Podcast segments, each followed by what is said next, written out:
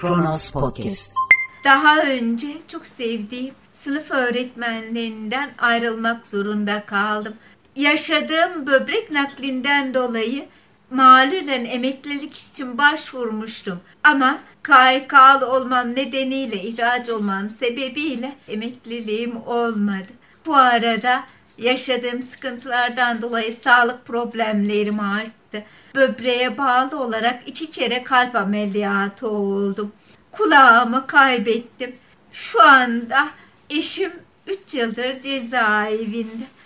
3 yılın içinde 13 yaşındaki oğlum sıkıntıdan dolayı rahatsızlandı. Bağırsaklarında problem yaşadı. 4 ay yoğun bakımdan sonra oğlumuzu kaybettik. Eşimi cenazeye getirdiklerinde elleri kelepçeli hiç açmadılar. Yavrum babasını görmeden gitti. Sıkıntılara daha fazla dayanamadığım için 29 kiloya düştüm. Şu anda hastanede sağlık problemlerimle uğraşmaktayım. Bir an evvel eşimin gelip 14 yaşındaki kızımla ilgilenmesini, benle ilgilenmesini istiyorum. Olmadı, olamadı. Bir sene önce tedavi sırasında 29 kilograma düşmüştü Fatma öğretmen ve birkaç dakikada böyle özetlemişti yaşadıklarını. Son nefesinde eşini yanında bulamadı. Eşi oğlunun cenazesine ancak kelepçeyle katılabilmişti. Son nefesinde Fatma öğretmenin yanında olmasına izin vermediler. Bütün baktığınızda, sayılarla okuduğunuzda belki terör örgütü ilan edilen bir yapıyla ilgili amansız bir mücadele yürütülüyor gibi görülebilir. Ancak tek tek insanların hayatına dokunduğunuzda, onlara tek tek sorup birey olarak onların hikayesini dinlediğinizde meselenin öyle olmadığını anlamamanız için ya akılsız olmanız gerek ya kalpsiz. 11 Ocak 2021 Pazartesi günün tarihi. Kronos Haber'de Kronos gündemle birlikteyiz. KHK'li öğretmen Fatma Görmez hayatını kaybetti. Kanun hükmünde kararnameyle öğretmenlik mesleğinden ihraç edilen kalp hastası Fatma Görmez hayatını kaybetti. Eşi 4,5 yıldır tutuklu olan Görmez 3 yıl önce 14 yaşındaki oğlunu kanser nedeniyle kaybetmişti. Oğlunun cenazesinde acılı babanın kelepçeleri çıkarılmamıştı. Kelepçeli fotoğraf kamuoyundan büyük tepki çekmişti. İki kez kalp, bir kez de böbrek ameliyatı olan ve 29 kilograma kadar düşen Fatma Görmez hayati tehlikesi olduğu gerekçesiyle yoğun bakıma alınmıştı. Bir kulağında işitme duyusunu tamamen kaybeden Görmez'in son isteği ise cezaevindeki eşinin son günlerinde kendisinin ve hasta olan kızının yanında bulunmasıydı. Fatma Görmez kanun hükmünde kararname ile işinden ihraç edilmiş bir sınıf öğretmeniydi. KHK ile ihraç edilen her bireyin olduğu gibi Fatma Görmez'in de somut olarak suçlandığı bir konu yoktu. Sadece kanun hükmünde kararname ile ihraç edilmişti. İdari soruşturma yoktu, hakkında mahkeme kararı yoktu ama ihraç edilmişti. Ve süreç birden bir fırtına yoğunluğuyla başlamıştı. Eşi cezaevine alınmıştı, kendisi ihraç edilmişti. Günler günleri kovalamış, çocuğu sıkıntıdan dolayı kansere yakalanmış ve akabinde hayatını kaybetmişti. Kocası ancak kelepçeyle katılabilmişti cenazesine ve şimdi belki hepimizin aklına gelen soru kızı ne yapıyor? Evet bu ailenin sorunlarıyla diğer bireyleri öne çıkarken bir de kızı vardı Görmez ailesinin. Peki kanun hükmünde kararnameyle ihraç edilenler hangi suçu işledikleri için ihraç edilmişlerdi? Evet ortada bir terör örgütü iddiası vardı. Fakat ne hikmettir bu terör örgütü olduğu iddia edilen yapıya mensup olanlar hiçbir terör faaliyetine katılmamışlardı. Ve yine bu insanlar hayatlarında neredeyse suç işlememişlerdi. Kanunun tarif ettiği hiçbir suçu işlememişti. Nitekim hiçbir suçları olmasa bile idari tasarrufla atıldıklarını dönemin Adalet Bakanı Bekir Bozdağ söylemişti. Sürecin içinden geçilirken belki acının tazeliği de çok fark edilmiyor ama ne kadar yakıcı bir dönem olduğunu ancak süreç sona erdiğinde ya da acılardan bir nebze olsun uzaklaştığımızda fark edeceğiz. Fakat o sırada Türkiye'ye ne olacak? Yüz binlerce insanın doğrudan mağdur edildiği, aileleri aracılığıyla milyonların mağdur edildiği bu hengamede Türkiye ne kazanacak? Şöyle soralım kanun hükmünde kararname ile görevinden ihraç ettiğiniz, malulen emekli olmasına dahi izin vermediğiniz Fatma Görmez, Türkiye Cumhuriyeti Devleti'nin bütünlüğüne zarar verecek, huzurunu bozacak ne suç işlemişti? Kanunda yazılı olan hangi kabahati yüklenmişti Fatma Görmez öğretmen ki ona böyle bir sonu reva gördünüz?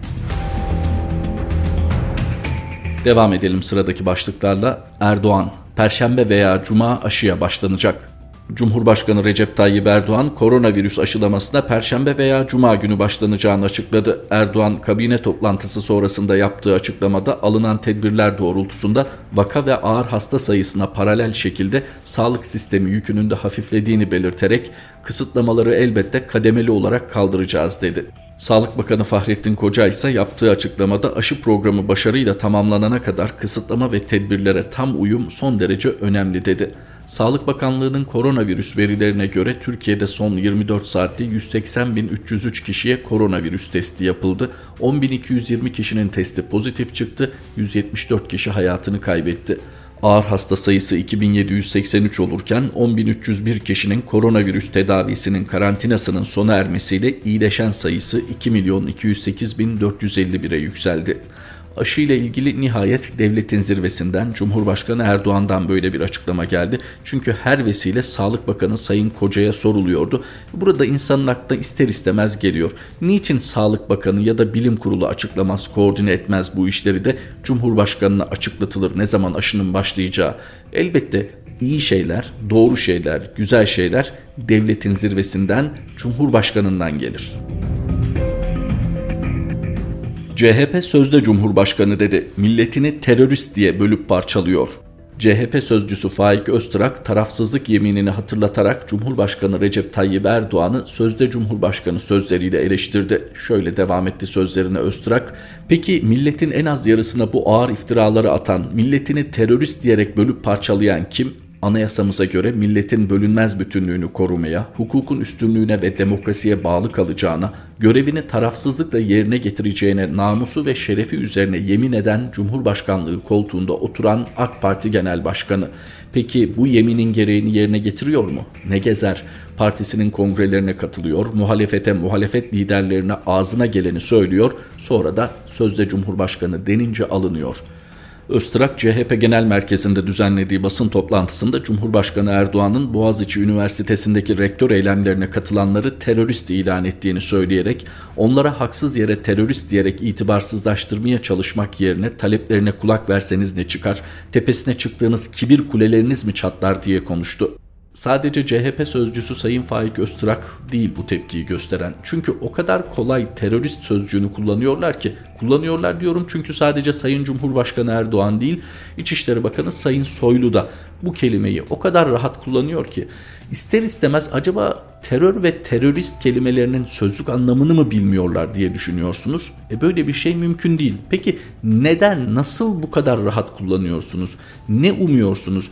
Terörist olmayan insanlara terörist yakıştırması yaptığınızda daha mı güçleniyorsunuz? Gerçekten bunun tabanınızı coşturduğunu düşünüyor olabilirsiniz. Öyle de oluyordur belki. Fakat bu yaptığınızın hukuken yanlış olduğunu siz de bal gibi biliyorsunuz. Hepsinden önemlisi taşıdığınız unvanlara yakışmıyor. Siz Cumhurbaşkanısınız, İçişleri Bakanısınız. Nasıl bu kadar terörist yaftası vurabiliyorsunuz insanlara? Boğaziçi Üniversitesi'ne rektör atanmasını öğrenciler protesto etmiş. Onlar öğrenci değilmiş, teröristler varmış işin içinde. Bulursunuz, çıkarırsınız, ondan sonra söylersiniz. Ha yeri gelmişken de dönem itibariyle mahkemelerinizin Türkiye Cumhuriyeti'nin bağımsız mahkemeleri değil de mahkemelerinizin verdiği terörist hükmü de pek inandırıcı değil. Kronos Haber'de Eylem Yılmaz'ın gerçekleştirdiği önemli bir röportaj var. Onu duyuralım. Oluç, iktidar HDP'yi sadece kapatmak değil, yok etmek istiyor.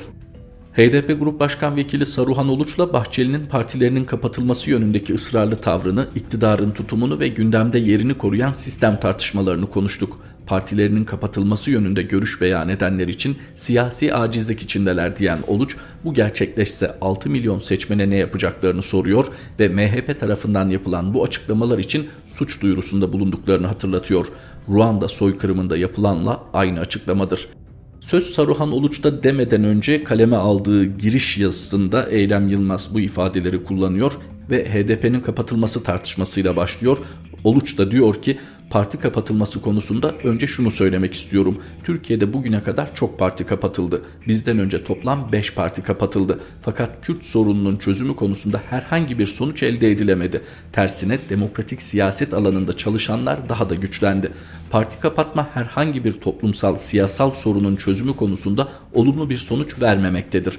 Aynı şey bugün Adalet ve Kalkınma Partisi ve onun kolları açısından değerlendirirsek de böyledir. Kapatılan çok sayıda partileri vardır. Türkiye kapatılmış partiler mezarlığıdır. Bu herhangi bir sorunun çözümü değildir diyor. HDP Grup Başkan Vekili Saruhan Oluç, Eylem Yılmaz'ın Saruhan Oluç'la gerçekleştirdiği röportaj Kronos Haber'de. MHP'nin bugün yazılı bir açıklaması vardı. Yargıtay'a sesleniyordu. Kapatma davası açılması yönünde HDP'ye eğer açılmazsa zaten MHP'nin gereğini yapacağını ifade ediyordu bu yazılı açıklama. Peki bakalım HDP ne cevap vermiş? Sıradaki başlığımız HDP'den Bahçeli'ye cevap. Yargıyı etkileme suçu işliyor.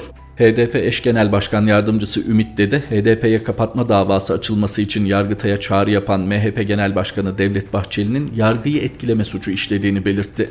MHP'nin HDP'nin kapatılması çağrısına Türk Ceza Kanunu maddeleriyle yanıt veren HDP hukuktan sorumlu eş genel başkan yardımcısı Ümit Dede, Devlet Bahçeli'nin yargıyı etkileme, baskı kurma ve talimat verme şeklindeki açıklaması anayasal ve yasal suç kapsamına girdiğinden yargıyı göreve davet ediyoruz dedi gayet önemli ve yerinde bir tepki HDP eş genel başkan yardımcısı Ümit Dede'nin tepkisi. Çünkü bu konuda kimin harekete geçeceği belli. Hani yaşı çok büyük olmasına gerek yok. 2008'de de AK Parti'nin kapatılması için açılan dava söz konusuydu. Oradan hatırlayabilir gençlerde.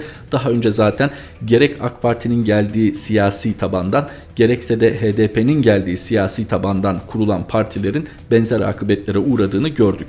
Peki kim harekete geçer bunun için? Yargıtay Cumhuriyet Başsavcısı.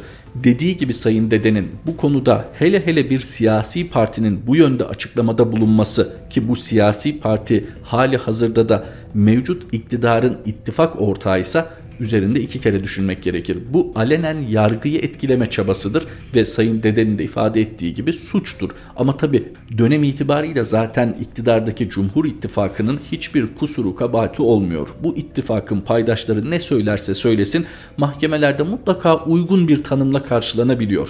Örnek mi? Henüz taze bir örnek. Alaaddin Çakıcı'nın Cumhuriyet Halk Partisi Genel Başkanı Sayın Kemal Kılıçdaroğlu'na hakaret ve tehdit içeren mektubu vardı. Evet bu konuda bir soruşturma açıldığını duyuyoruz. Devam ediyor.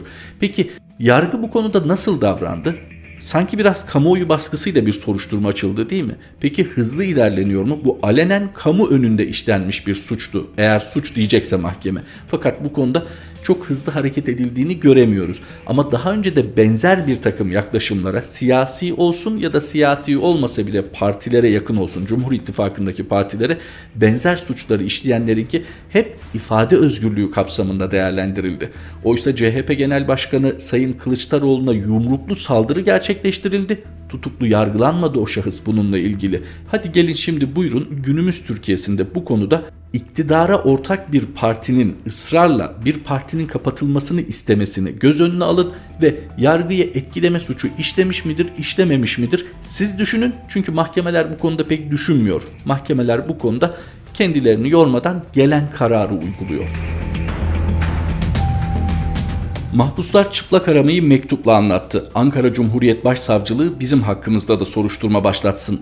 Türkiye'nin konuştuğu çıplak arama konusu ısrarla inkar edilse de bu muameleye maruz kalanlar yaşadıklarını anlatmaya devam ediyor. İzmir Kırıklar F tipi cezaevinde kalan 5 mahpus HDP milletvekili Ömer Faruk Gergerlioğlu'na yazdıkları mektupla çıplak aramanın yıllardır devam eden bir uygulama olduğunu, kendilerinin de bu muameleye maruz kaldıklarını anlattı. Mektupta mahpuslar Ankara Cumhuriyet Başsavcılığı'nın çıplak aramayı dile getirenler hakkında başlattığı soruşturmayı da hatırlatarak bizim hakkımızda da soruşturma yapılmasını istiyoruz. Ayrıca başlatılan soruşturmada tanık olarak dinlenmek istediğimizi de belirtiyoruz dediler.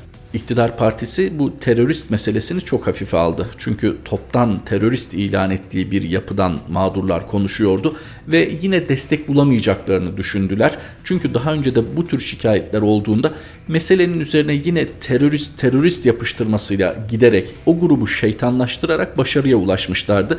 Fakat bu defa çıplak arama konusunda daha geniş bir mağdur kitle söze girdiği için etkisi de hayli yüksek oldu tepkilerin. Nitekim HDP Kocaeli Milletvekili Sayın Ömer Faruk Gergerlioğlu ki tek sebebi bu konuların üzerine gitmesi terörist ilan edildi. Hatta bir değil iki taraflı terörist ilan edildi. Çünkü dönemin alameti farikalarından biri de o. Sağdan soldan istediğiniz yerden kokteyl bir terör suçlamasıyla birinin itibarını yerle bir edebiliyorsunuz ya da ettiğinizi sanıyorsunuz. Belki kendi kitleniz nezdinde yerle bir ediyorsunuz o itibarı. Fakat herkes görüyor. Güneş balçıkla sıvanmıyor. Siz ne yaparsanız yapın çıplak arama konusunda kadınlar çıkıp artık her şeyi anlatmaya başladığına göre e artık lütfen şu konunun bir üzerine gidin. Ha diyorsanız ki bu zaten bizim bilgimiz ve inisiyatifimiz dahilinde yapılıyor. Biz de susalım. Cezaevlerinden şikayetler yükselmeye devam ediyor. Sıradaki başlığımız CHP'li hak verdi. Cezaevinde mahkumun kolunun gardiyanlar tarafından kırılmasını meclise taşıdı. CHP Ankara Milletvekili Ali Haydar hak verdi. Kırıkkale cezaevinde bir mahkumun darp edilerek kolunun kırılmasını yazılı bir önergeyle Adalet Bakanı Gül'e sordu hak verdi. Cezaevlerinde hak ihlalleri, kötü muamele ve işkence iddialarının her geçen gün arttığına işaret ederek işkence ve kötü muamele bir insanlık suçudur. Ne yazık ki mevcut sistem sorumluları koruduğu gibi kötü muamele ve işkenceye uğramış mahkumlara ise idari cezalar vererek sindirme yoluna gidiyor. Kırıkkale cezaevinde bir mahkumun darp edilerek kolunun kırılması olayı ve konu hakkında Anayasa Mahkemesi'nin verdiği karar da bu durumu gözler önüne seriyor diyor. CHP Ankara Milletvekili Ali Haydar hak verdi. Bu insanlar suçlu ya da suçsuz bir şekilde cezaevine girdiklerinde zaten bir takım hakları kısıtlanıyor. Bu kısıtlı haklarını kullanmak istediklerinde kendilerince geliştirdikleri protesto yöntemlerinde kimseye zarar vermeden, şiddete başvurmadan ki bu olay özelinde bir oturma eylemi söz konusu. Bu durumda bu insanların canına kasteden bu davranışların nasıl izah edebilirsiniz? Diyelim gerçekten bunu yapacak psikolojisi bu kadar bozuk personeliniz var. Bu personelin kontrolü sizin göreviniz, sorumluluğunuz değil mi? Adalet Bakanlığı'ndan bahsediyorum. Bununla birlikte bu tür personelin bulundurulmasını kendinize nasıl açıklıyorsunuz? Neden dönemin özelliği haline gelen bir başka uygulamada üstünü örtmek, kapatmak, hatta hatta daha da ötesi işte Ankara Cumhuriyet Başsavcılığı'nın yaptığı gibi bu konuda şikayetçi olanlar hakkında çıplak aramayı gündeme getirenler hakkında soruşturma açıyorsunuz. E bu insanlar mağduriyetlerini anlatıyorlar yalan mı söylüyorlar? Velev yalan söylüyorlar. E tamam soruşturursunuz. Onların iddialarını soruşturursunuz. Böyle bir netice yoksa onlar hakkında soruşturma açarsınız. Niçin yıldırmaya çalışıyorsunuz? Gerçi niçini fazla yıldırmaya çalışıyorsunuz. Cumhurbaşkanı Erdoğan koronavirüs aşılamasının perşembe ya da cuma başlayacağını duyurmuştu. Peki hangi aşıyla aşılanacağız hatırlıyorsunuz değil mi? Bakın onunla ilgili bir başlık. Endonezya %65 etkili koronavakı onayladı. Çinli şirket Sinovac'ın koronavirüs aşısı CoronaVac Endonezya'da yapılan testlerde %65 etkili olurken Endonezya Çin'den sonra aşıya onay veren ilk ülke oldu. Endonezya'da yapılan testlerde aşının %65 oranında etkili olduğu sonucu çıktı. Ama şimdi gelin de düşünmeyin. Bir tarafta %91, %96 gibi oranların telaffuz edildiği aşılar var ve daha ucuz ama bir tarafta da Endonezya'nın en güncel %65 sonucuna ulaşabildiği daha pahalı Çinli Sinovac'ın Coronavac aşısı var. Biz koronavak aşısıyla toplumun genelini aşılayacağız. Bunu hatırlatalım. Ama yine de söylemeden edemiyor insan. Bir de 550 bin doz Pfizer BioNTech aşısı gelecek bize malumunuz. Sonra kademeli olarak artacağından söz ediliyor ama ilk etapta gelecek 550 bin doz aşının nasıl kullanılacağı, nasıl bir programla kimlere dağıtılacağını henüz bilemiyoruz. Ama lütfen kafanızdaki soru işaretlerini kovun. Sağlık Bakanlığımız bu konuda zaten gerekli çalışmayı yapacak, adil bir dağıtım programı hazırlayacaktır eşini göremeden vefat eden Fatma Görmez öğretmenle başlamıştık. Onunla bitirelim. Haluk Levent'ten Fatma Görmez paylaşımı. Kızı için elimizden geleni yapacağız. Kanun hükmünde kararnameyle öğretmenlik mesleğinden ihraç edilen kalp hastası Fatma Görmez hayatını kaybetti. Görmez'i hasta olduğu dönemde 3 kez ziyaret eden ünlü sanatçı Haluk Levent sosyal medya hesabından duygusal bir mesaj yayınladı.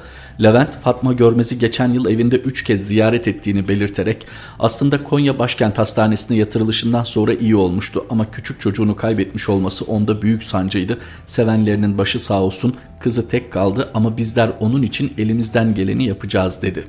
Teşekkürler Haluk Levent. İyi insanların olduğunu bilmek hayata tutunmayı güzelleştiren sebeplerden biri. Kronos Haber'de Kronos gündemi aktardık. Tekrar buluşmak üzere. Hoşçakalın.